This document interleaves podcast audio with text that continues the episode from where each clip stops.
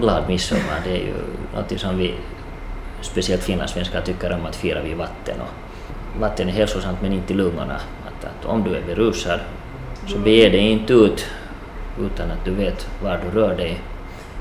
Man tror att man har för, för mycket krafter, man klarar vad som helst och, och, och att simma långt från stranden och krafterna sinar där ute så är det ganska dåligt.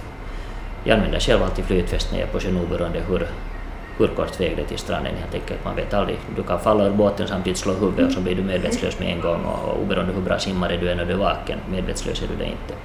Och dyk aldrig, aldrig någonsin i okänt vatten.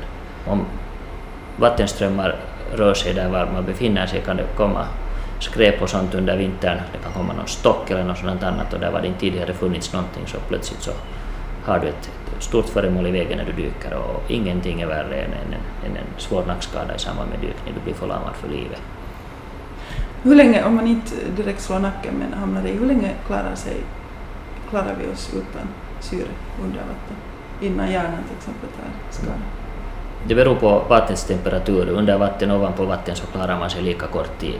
Det är fyra, fem minuter så börjar, börjar det gå neråt. Och sen spelar vattentemperaturen en stor roll. Att ju kallare det är, desto mindre förbrukar hjärnan syre och det betyder att vi har längre tid att hjälpa en drunknad person än en person som får hjärtstopp på gatan eller inomhus.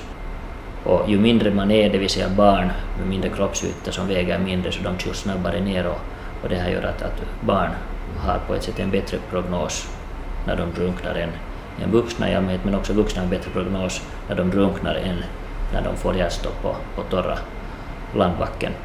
Men långtid har man oberoende inte och, och, och, och, det gör att en person som faller i sjön så ska nog upp så snabbt som möjligt. Att, att det... Du sa att, att äh, drunkning var en av de få äh, saker där man med mekanisk hjärtmassage kunde få igång Precis, hjärtat.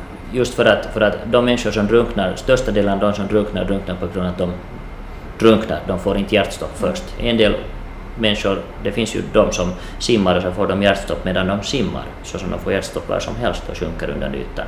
Och de här människornas hjärtrytm är sån som inte går igång med bara hjärtmassage, men en drunknad person så hjärtat stannar på ett sånt sätt att det kan gå igång när man får igång blodcirkulationen. Att upp på land så snabbt som möjligt. Man tar bort bara, tömmer bara det vatten som finns i munnen genom att vända patienten en gång på sida.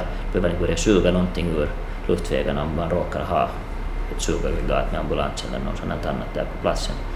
Och efter det börjar du normal återupplivning. Blåser in och trycker på bröstkorgen precis som man har lärt sig på sin förstahjälpskurs.